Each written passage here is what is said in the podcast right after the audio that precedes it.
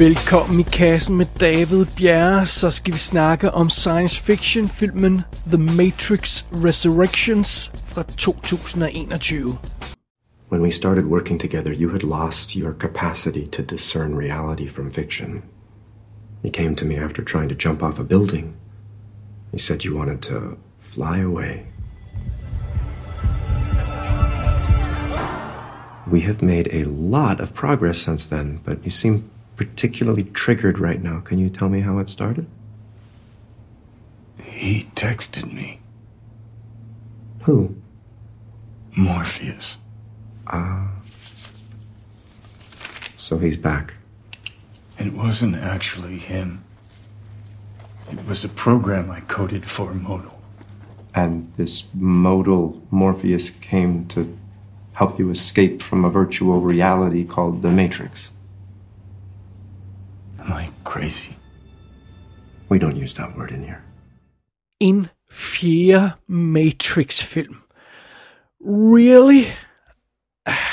Var historien ikke overstået sådan efter træeren? Altså, spoiler alert, vores held døde jo, og det var ligesom om alle konflikterne blev afsluttet. Man kunne måske godt sådan rent praktisk føre videre på historien, men det var, altså, vi gennemgik jo sådan en følelsesmæssig rejse i de her tre første Matrix-film, og vi nåede et naturligt klimaks.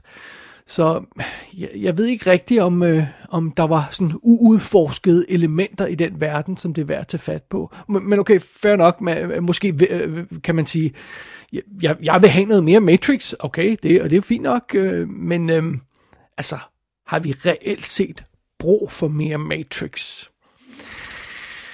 Måske ikke, men her kommer en fjerde film altså.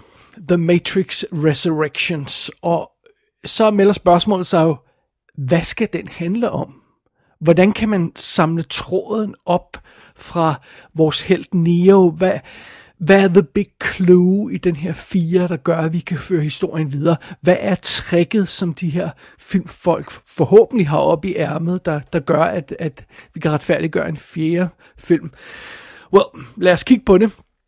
Og øhm, det er jo så også her, jeg lige kommer med den første, sidste og eneste advarsel, for det her, det er ikke som sådan en spoiler-anmeldelse, men, øhm, men i sagens natur, hvis man vil undgå at vide noget som helst om Matrix, øh, jamen, så, så, så, så er der ikke skide meget andet at gøre, end at, end at stoppe nu, hvis man, hvis man intet vil vide om den her fire, før man ser den. Så det, det kunne man måske nok regne ud. Så lad os fortsætte som om, at, øh, at alle er med på den.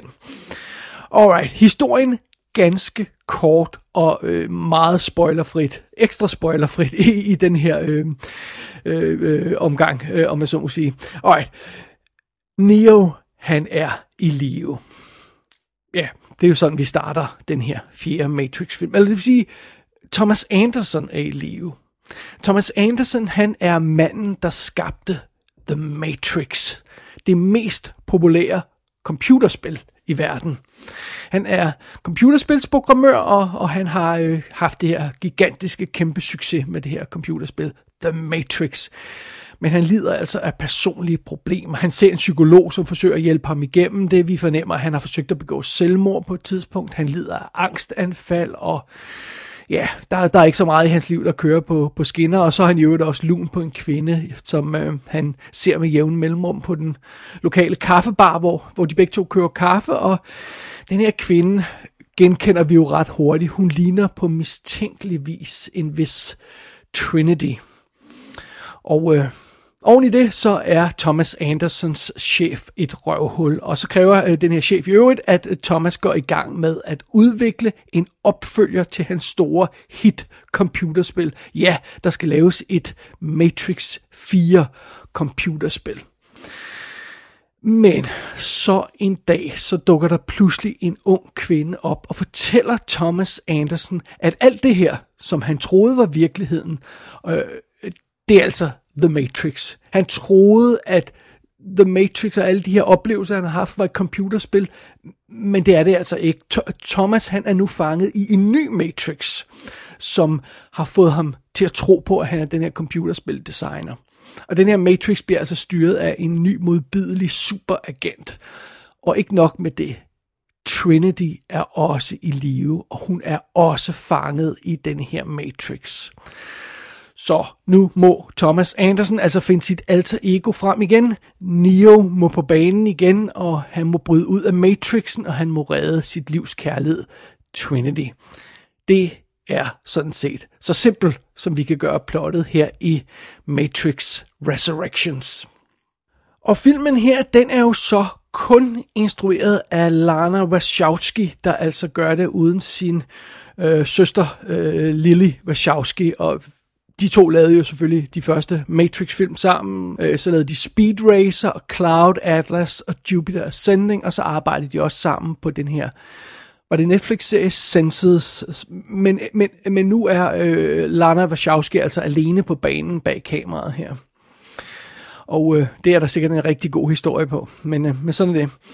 Og, øh, så er Keanu Reeves naturligvis tilbage som Neo og Thomas Anderson, og vi har jo set ham her for nylig i sådan noget som øh, John Wick Chapter 3, øh, Bill and Ted Face the Music har man måske se, han lavede øh, øh, Replicas, han lavede Destination Wedding, Siberia, han, han, han, øh, øh, øh, øh han, han kører på det der John Wick øh, trilogien er det jo nu, og firen er i gang, men, men ellers har det ikke lavet sådan noget vanvittigt imponerende, den kære Keanu Reeves. Men vi elsker ham jo alligevel. Tak fejl.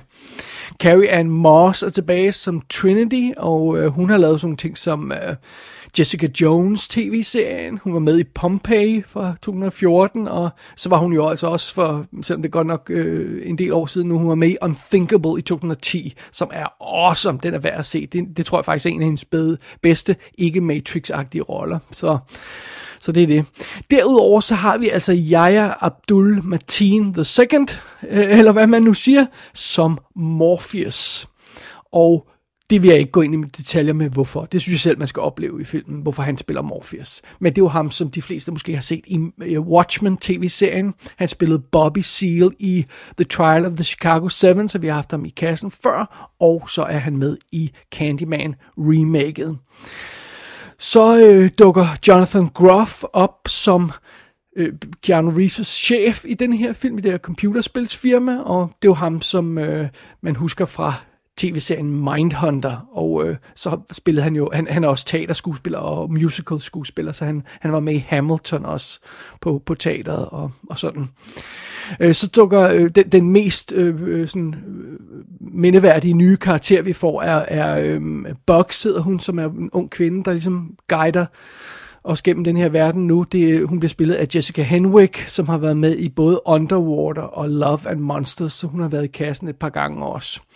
Derudover så dukker Neil Patrick Harris op som, øh, som øh, hvad hedder det, Thomas Andersons psykolog, og Jada Pinkett Smith gentager sin rolle som Niobe.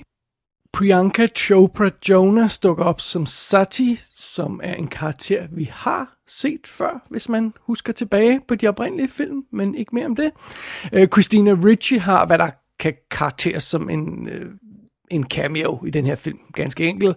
Og så gentager Lambert Wilson altså også ganske kort sin rolle som The Merovingian, men det skal man ikke lægge alt for meget i, så har jeg ikke sagt for meget. Og øh, ja, der er altså også en helt ny crew af folk, som, øh, som vi møder undervejs, men ærligt talt, øh, der var ikke nogen af dem, der gjorde sådan det store indtryk, så, så lad mig ikke gå i detaljer med dem. Det er sådan ligesom rollelisten her i Matrix Resurrections. Why did you save me? You first. Who are you? Where did you come from? Okay. My name is Bugs. As in Bunny. In tech that listens. Do you know this is a modal? What's a modal? It's a simulation used to evolve programs. Do you understand that you are digital sentience? I know what I am. Just like I know my job is to hunt down and destroy sentience like you. And yet, Here we are. here we are. Det største spørgsmål, jeg havde til den her film, The Matrix Resurrections, det var jo helt simpelt, hvad skal denne her film handle om? Hvordan øh, kan man åbne døren til det her univers igen? Jeg synes, det var relativt godt lukket, som jeg, som jeg nævnte i starten, øh, efter træeren. Well, når filmen åbner døren her, så gør den det i hvert fald på en relativt velkendt måde. Vi starter sådan med de her grønne logoer, som vi kender fra de oprindelige film. Matrix-koden ræser hen over skærmen, og der er den velkendte musik. Og øh, så starter vi med vores første scene. Og den første scene virker også rimelig familiær på os. Det, øhm, det virker faktisk som om denne her film starter på fuldstændig samme måde, som, på, øh, som etteren gjorde. Og øh, der går altså ikke særlig lang tid, før vi opdager, at det er den samme scene, som etteren startede med, som vi nu ser her. Trinity, der bliver fundet af et SWAT-team af soldater, så når hun sidder der i rummet, og de lister sig ind på hende, og så angriber hun Det er den samme scene, som den her film starter med. Det vil sige, det er næsten den samme scene, fordi der er nogle, øh, øh, der er nogle små forskelle her og der, og scenen ser ikke helt ud på samme måde, og på et tidspunkt så dukker Agent Smith op, og så er han sort øh, karakter i stedet for, øh, og det, det, var også, det var jo ikke sådan, det var oprindeligt, og men, men det er alligevel samme startscene, som vi, vi kender fra etteren. Og det er en ekstremt besynderlig måde at genintroducere det her univers på, som vi immer væk nærmest dårligt har været i i 20 år.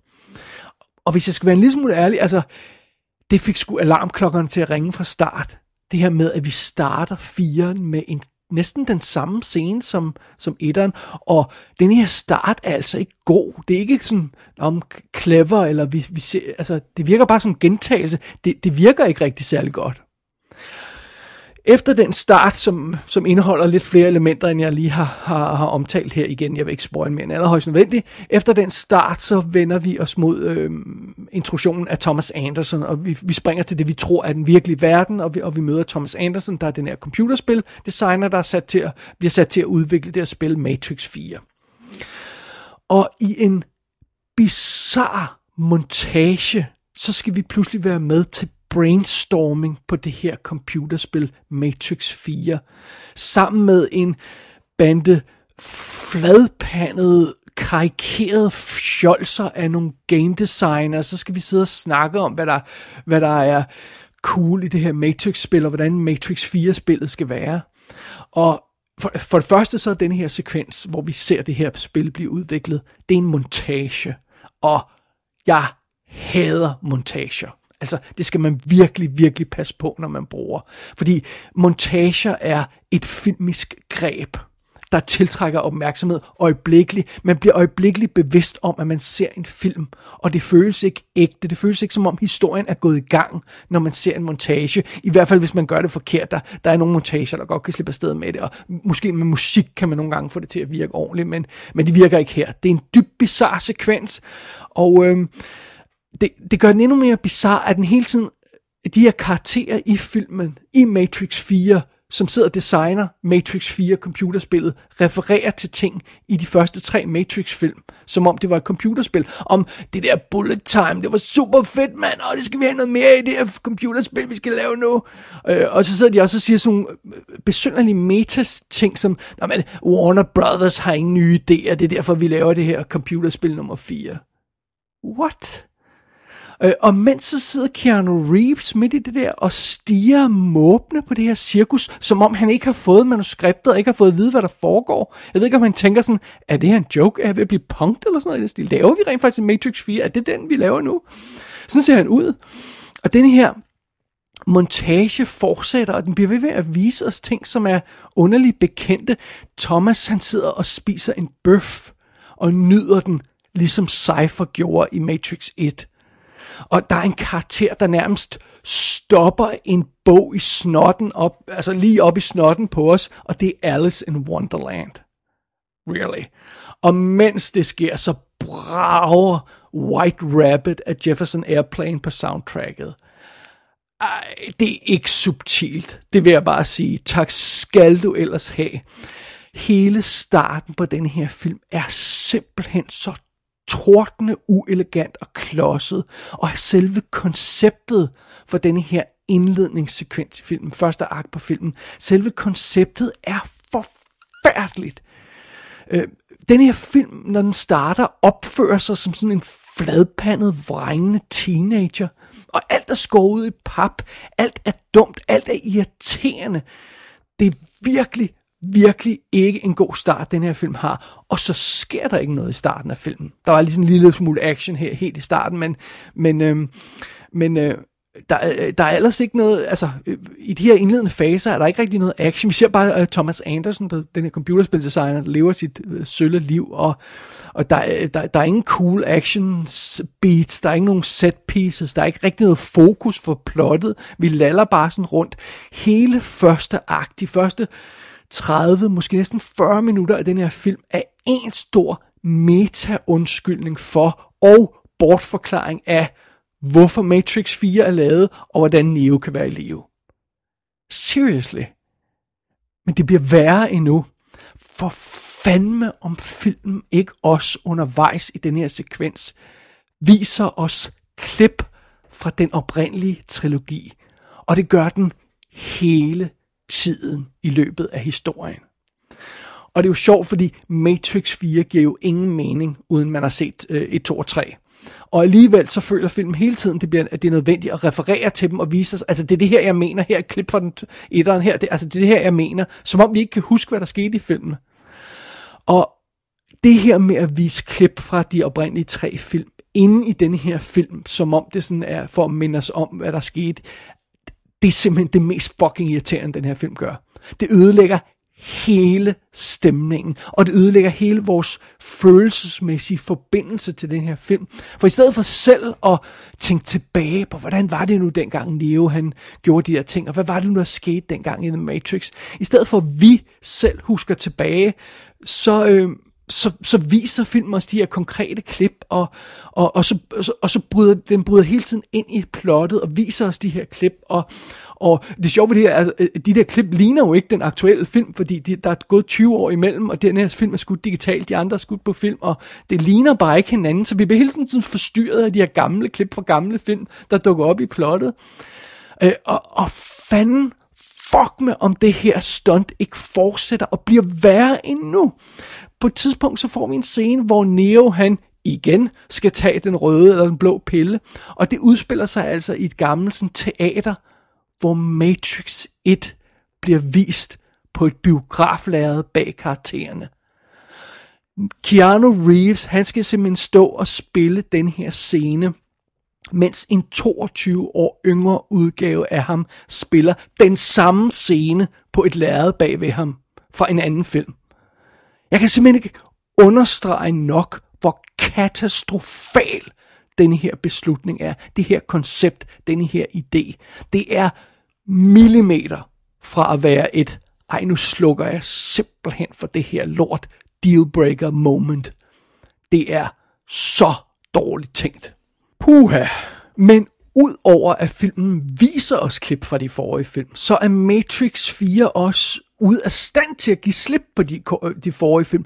Altså, øh, man vil hurtigt opdage, at startscenen ikke er den første scene i firen, der minder om scener fra de, de andre film. Faktisk så leverer Matrix 4 lad os kalde den det, bare øh, fordi det er nemmere at sige en Resurrections hver gang. Øh, faktisk så leverer Matrix 4 den ene scene efter den anden, der er mere eller mindre identiske med scener fra som regel etteren.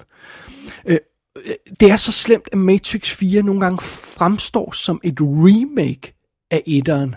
Altså bare de samme scener, bare med et andet look og så et par detaljer ændret. Øh, det er besynderligt fantasiforladt, og det gør, at øh, Matrix 4 bliver aldrig sådan en, øh, en, en selvstændig eksistens, der kan stå på egne ben. Det, det bliver hele tiden ved med at referere til, det, til, til etteren og de, til de andre film. Det er så frustrerende at se på. So what's it like being a world famous game designer? Must be amazing. Uh, a lot of hours. Sometimes it is amazing. Most times, I don't know. But you made The Matrix. Even I've heard of that. Yeah, we kept some kids entertained. So worth it? Can I ask something about your game? Sure. Did you base your main character on yourself?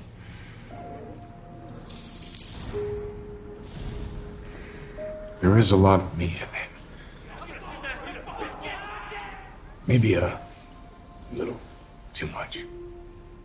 mellem de evige gentagelser af scener fra de tre første Matrix-film, så begynder man på et tidspunkt at spørge sig selv, øh, øh, hvornår begynder det sådan at blive tydeligt, hvad denne, hvad denne her film egentlig vil? Altså, hvad er det, den vil fortælle? Jeg tror, vi er sådan cirka en time inde i den her to og en halv time lange film, før dens plotsen begynder at dukke ud af togen. Altså, vi kan sådan skimte aftegningen for en plan for resten af handlingen. Og jeg siger vidderligt skimte, fordi Matrix 4 er exceptionelt dårlig til at forklare sit plot og sine idéer. Altså selv i sin mest volapykkede momenter, så gav Matrix 1-3 altså mere mening. På trods af orakler og profetier, og den her fantastiske øh, nonsens-scene med arkitekten, The Architect. Altså, på trods af alt det, så var handlingen aldrig så dårligt fortalt, som den er i den her film. Det er fuldstændig uklart, ofte, hvad der skal ske undervejs, hvad er reglerne, hvad kan lade sig gøre, hvem kan dukke op, hvorfor kan de det, hvad er planen, hvad skal vi, hvad er, hvad er succeskriteriet, når vi går ind i den her scene, hvad skal vi have ud af den. Alt det er ofte fuldstændig uklart. Og egentlig så burde den her film være way mere simpel og, over, og, og nemmere at overskue, fordi den har droppet en masse ting fra de forrige film. Den har droppet stort set al den her filosofi øh, til fordel for sådan noget øh, øh, øh, øh psykoanalyse eller sådan noget i stedet for. Øh, og, og jeg synes også, der, der er mange andre ting, der er faldet væk. Altså det her med mm, følelsen af, at vi er i det her anime-univers. Øh, øh det er ligesom også væk, synes jeg på en eller anden måde. Og jeg synes også, at filmen har droppet hele den her ramme for historien med, at vi er i den postapokalyptiske verden, hvor der har været en krig mellem mennesker og maskiner. Altså, det er selvfølgelig stadig med i filmen, og vi ser stadigvæk nogle sekvenser fra den virkelige verden, hvor maskinerne har overtaget, og alt det her løjse. Så det er med i filmen, men følelsen mangler. Altså, den her film fanger slet ikke stemningen for den verden, som de forrige film etablerede. Det føles ikke som om den foregår i den verden. Der, den, den her film får slet ikke følelsen af, af redsel og desperation med. Prøv at huske tilbage, hvor creepy det var, da man første gang opdagede, hvad fanden det var, menneskeheden var reduceret til nu, og hvad, hvad der var sket med os. Det var så creepy, og øh, det, det er slet ikke med her. Og, og robotterne er slet ikke nærværende som trussel eller som skurk i, i, i den her film. De er faktisk nærmest slet ikke uhyggelige mere, selvom der er robotter, der er Sentinels med i filmen og sådan noget. Men, men, men det er bare sådan, nå, der, der er de jo, ja.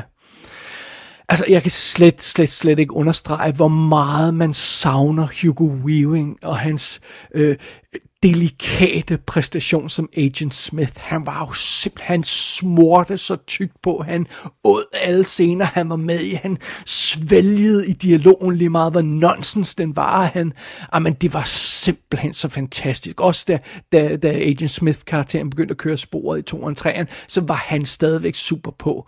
Det savner man virkelig her. I Matrix 4, der er truslen ikke længere de her iskolde agenter i jakkesæt og solbriller, øh, som, som jo er den perfekte øh, repræsentation for den store onde maskine sådan i overført betydning. Hele den her verden, vi har sat op, hele finansverden, alle de store corporations, de her men in black med solbrillerne på, de er den perfekte repræsentation for det. De var så kolde og kyniske og, og super fede, og, men, man, det var skræmmende bare, de dukkede op. Øh, det får vi ikke i den her film. Vi får ikke engang den her fnysende, fordømmende faderfigur, som The Architect var, som jo var fantastisk åndssvag, men den der måde, sådan øh, øh, sad og vrængede af Keanu Reeves på, det var fantastisk. Det var fantastisk. Det får vi slet ikke her. I stedet for får vi Jonathan Groff og Neil Patrick Harris, som måske nok er de to største fejlkastinger i nyere tid. I stedet for, at vi skal skræmmes af The Men in Black-agenterne, så skal vi nu åbenbart skræmmes af to Pretty Boy-skuespillere med bløde stemmer. Og det kan godt være, at jeg er en lille smule fræk, og det kan godt være, at jeg læser lidt for meget i det, men jeg kunne godt lide at vide, om det er tilfældigt, at Lana Wachowski har castet to homoseksuelle skuespillere, der nemt kan gå for at være straight i de to skurkeroller. Det kan jeg ikke lade være med at overveje. Og apropos personligt motiverede ændringer. Det er en lille smule påfaldende, at filmen retconner hele ideen om Neo. Neo, manden, der er the one og kan redde verden. Well, i den her film, der er Trinity, kvinden, lige så meget nøglen til det hele, og Neo, han er en lille smule vatpik. Han kan faktisk ikke engang flyve mere. Dår, kan man forestille sig det? Øh, Altså, jeg kan ikke lade være med at spørge, om, om uh, Lana Wachowski sådan fortryder, at hun i tidens morgen fik sådan promoveret en mand som verdens frelser i, i den her franchise, uh, uh, og, og, og det så skal der laves om på nu. Og måske er det også lidt nemmere at lave om på det, fordi Joel Silver, han sidder ikke længere i producerstolen og oser test, uh, testosteron hele tiden i, i produktionen af det her film, for han er ikke længere med på, på produktionen, så... Uh, i don't, I don't know. Altså, det, det, jeg tror, der faktisk er en hel del masse, man kan, man kan kaste over i den retning. Der. jeg tror virkelig, det er det mest interessante aspekt af den her Matrix 4. Det er, hvad der helt præcis er gået igennem hovedet på instruktøren, da hun designede det her projekt. Well, øh, en anden skarp kontrast mellem denne her film og øh, de tre første film, øh, øh det overrasker mig en lille smule. Det er de tekniske aspekter af filmen. Fordi denne her Matrix Resurrections er ikke noget nær så teknisk overlegen, som de tre første film var. Øh, Action-stilen for eksempel i den her film gør, gør, gør ikke det samme indtryk, som, som, øh, som den gjorde i de oprindelige film. Og det er ikke engang fordi, at alle blev inspireret af Matrix, og nu laver alle øh, actionscener, som Matrix gjorde dengang. Faktisk synes jeg ikke, der er særlig mange, der tog øh, tæten for, for, for, for, for den måde, de, de actionscener er designet på. Og øh, det er jo ikke sådan, man laver action, alle actionscener nu om dage. Tværtimod, men firen laver action, sine actionscener, sådan som alle andre gør nu om dage. Så, så, så den er ikke unik på noget plan. Altså, actionscenerne er rodet, skudt og kaotisk klippet sammen, sådan som mange andre actionfilm er. Og øh, der er slet ikke den her præcision og elegance der var i de oprindelige film, hvor, hvor hvert skud sådan var gennemtænkt, og sekvenserne var gennemtænkt, og der var de her nærmest frames, man kunne stoppe filmen på og sige, kæft, det er jo, det er jo nærmest tegnefilm, det er, eller tegneserie, det her, det er anime, det er, det er jo lækkert. Det er ikke tilfældet her. Det, og de her actionscener, som vi bliver præsenteret for i den her film, de er ofte rimelig dårligt tænkt, sådan udtænkt, sådan designmæssigt. Selv de få kung fu kampe, der er i den her film, og der er ikke særlig mange, de er, de er dårligt skudt.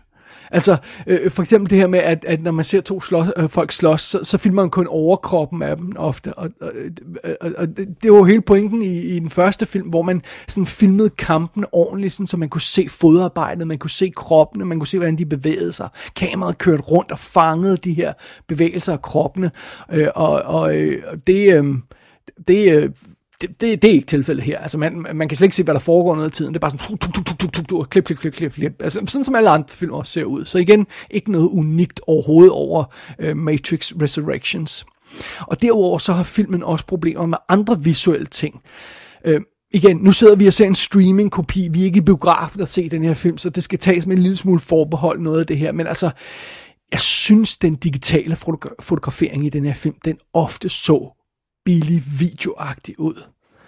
Øhm, og det hjælper så heller ikke, at der er sådan nogle, øh, nogle svage visuelle idéer, der, der, der understøtter det look. Øh, for eksempel så øh, det her, som, som øh, man kan måske huske i den første film, når, når, øh, når, når, man, når der blev skudt mod agenterne, så kunne de bevæge sig hurtigt, sådan, så det synes som deres krop var flere steder på en gang. En meget cool effekt. Den her gang har de brugt noget, der, der er lidt anderledes. Det er sådan en besynderlig ud, udvask, udvisket sådan slow motion videoeffekt. Altså det ligner decideret en dårlig videoeffekt. Det er bare grimt, det ser billigt ud, den måde det er lavet på her i den her film. Det er virkelig besynderligt valg, altså det rent teknisk ser det dårligt ud.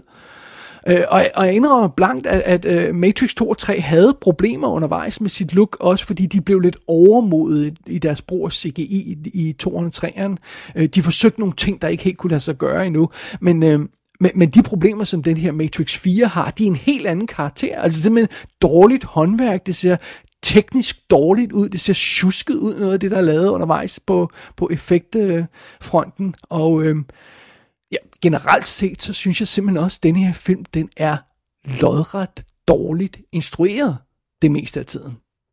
Now what? Things have changed, the market's tough.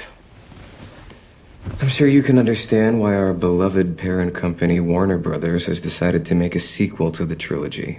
What? They informed me they're going to do it with or without us. I thought they couldn't do that. oh, they can. And they made it clear they'll kill our contract if we don't cooperate. Really? I know you said the story was over for you, but that's the thing about stories. They never really end, do they?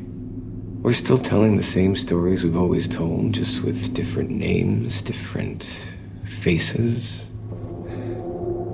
And I have to say, I'm kind of excited. After all these years, to be going back to where it all started. Back to the Matrix. Jo længere jeg kom i øh, denne her film, jo mere tydeligt blev det, at The Matrix Resurrections er en virkelig ringe sequel. Nogle gange så opfører den her film sig, som om den er et remake af en, af, lavet af en ung instruktør, der synes, at de oprindelige Matrix-film var vildt cool, men som ikke rigtig forstod, hvad det var, de var, og, og som ikke rigtig kendte til baggrunden til, hvordan de var designet, og hvorfor de så ud, som de gjorde, og inspirationen fra at animere alt det løjse. Men det er bare sådan, og jeg så de oprindelige film, det var vildt cool, jeg vil gerne lave noget, der ligner det. Sådan føles den her film nogle gange. Jeg kom til at tænke på sådan nogle remakes som Poltergeist, hvor mange kan huske, der var lavet remake af Poltergeist, øh, og Point Break remaket. det er sådan, det, altså, hvor man bare sidder der med sådan en, en helt kold følelse, og bare ryster på hovedet, når man ser de her film, sagde, hvor, hvor, hvorfor lavede I den? Men jeg må indrømme, på et tidspunkt, så begyndte mine tanker altså at gå i en endnu mere forfærdelig retning. Matrix Resurrections begyndte at minde mig om Highlander 2. altså det her, hvor man sidder og ser sådan en film, hvor man siger, det, det er jo en helt anden slags film det her, hvad fanden tænkte I på, hvad, hvad laver I? Øh, og, og, lige meget hvilken slags film man ser, altså lige meget hvad man har gang i, så er en ting sikkert, hvis man, hvis, hvis man kommer til at minde publikum om Highlander 2, så er der gået et eller andet helt galt undervejs. Der er et par få gode ting ved The Matrix Resurrections, det vil jeg godt indrømme. Der, der er selvfølgelig noget, nogle gange, når man ser nogle af de her visuals, som, som minder ind om de foregående film, så er det lækkert at se på. Og det er altid rart at se Keanu Reeves igen. Han er så fucking sympatisk, og, og han kæmper med materialet her, det gør han virkelig. Og det er også fedt at se Carrie Ann Moss igen som Trinity. Altså, Carrie Ann Moss er 54 år gammel nu, og hun er en fucking rockstar i den her film. Altså, hun kan sagtens lege med her. Hun er, hun er gorgeous, og hun er awesome, hun er kick-ass. Hun måtte virkelig gerne lave en actionfilm, hvor hun fik lov til at være øh, helten i centrum selv, øh, for min skyld. Det måtte hun altså gerne. Jeg, jeg synes, hun er super fed. Øh, men bortset fra det, så... Øh, hvad er der så reelt i den her film, der virker? Ikke rigtig noget. Altså, actionscenerne virker ikke, den følelsesmæssige forbindelse til karaktererne er væk, øh, og historien er ganske enkelt ikke cool. Øh, Matrix 4 er en mudret, unødvendig opvarmning af velkendt materiale. Altså, jeg, jeg vil sige det sådan, Matrix 4 får Matrix 2 og 3 til at ligne Matrix 1. Prøv lige at tænke over det en omgang. øh, altså, jeg synes faktisk, Matrix 4 er næsten lige så forfærdelig som Jupiter Ascending og Cloud Atlas, der jo var håbløs, altså. og, og fidusen er jo, kontrasten til de foregående film bliver jo, bliver, bliver jo ved med at være øh, sådan til stede i ens tanker, fordi firen bliver ved med at vise klip fra de her fucking gamle film, så i stedet for at for, prøve at få os til at glemme den og lave noget nyt, så bliver, den med, mere, øh, bliver den ved med at minde os om, hvor meget bedre de film var hele tiden igennem plottet. Vanvittigt åndssvagt. Og nu har vi i hvert fald svaret på det oprindelige spørgsmål, vi stillede. Nej, der, der er ingen cool idé, der retfærdiggør, at den her fjerde Matrix-film skulle eksistere. Den, den har ikke noget sejt koncept op i ærmet. Den har ikke noget clue, en eller anden fed idé, en eller anden fed måde at bringe historien videre på. Det her, det er en gennemført, mislykket og skuffende film, der ganske enkelt aldrig burde være lavet. Og pludselig bliver det meget mere tydeligt, hvorfor Lily Wachowski ikke er medinstruktør på den her film. Fordi hun udtalte jo, at hun ikke kunne se sig selv lave en Matrix 4, for det vil føles som et skridt tilbage. Og det er spot on. Det er lige præcis, hvad The Matrix Resurrections føles som. Et skridt tilbage. Et rimeligt stort skridt tilbage.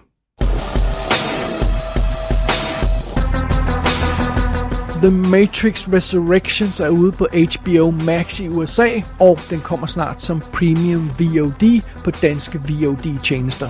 Der er i skrivende stund ingen dansk biografpremiere planlagt grundet corona, og der er ingen info om filmen kommer på danske HBO Max om 45 dage, som oprindeligt tænkt. Gå ind på ikassenshow.dk for at se billeder fra filmen. Der kan du også abonnere på dette show og sende en besked til undertegnet. Du har lyttet til I Kassen med David Bjerg.